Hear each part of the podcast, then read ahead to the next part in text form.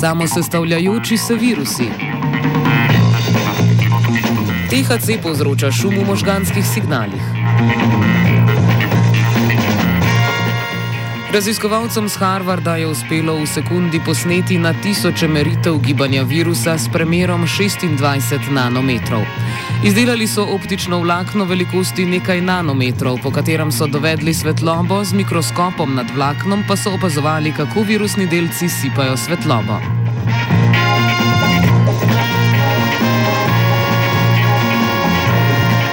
Če združimo molekulo virusnega dednega materijala s peščico virusnih proteinov, se v delčku sekunde samo sestavi nov virus, ki je zmožen okužbe novih celic. Zaradi majhnosti virusov in izredne hitrosti procesa njihovega samosestavljanja je ta pojav težko proučevati.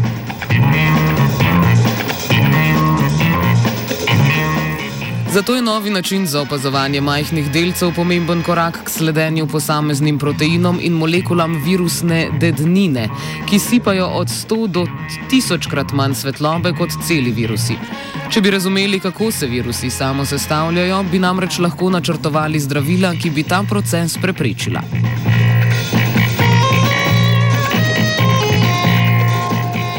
Psihotični učinki THC-ja so povezani s povečanim kortikalnim šumom pri zdravih ljudeh.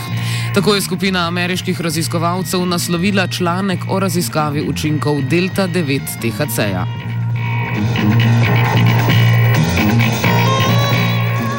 V preteklih študijah, v katerih so z EEG-jem merili električno aktivnost v možganih, so pri osebah s schizofrenijo opazili spremenjeno možgansko aktivnost.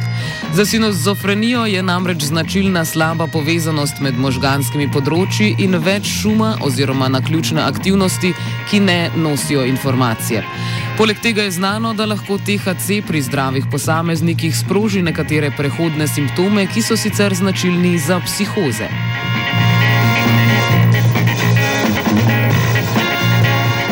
Ugotovili so, da akutna intoksikacija s THC-jem zviša neuralni šum v EEG-ju.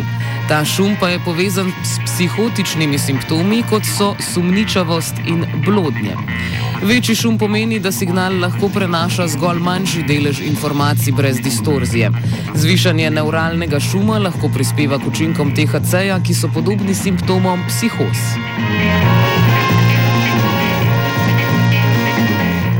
Pred negativnimi učinki THC-ja sta Hašišarja že na vse zgodaj zjutraj strašila vajenka Angelika in Andraš.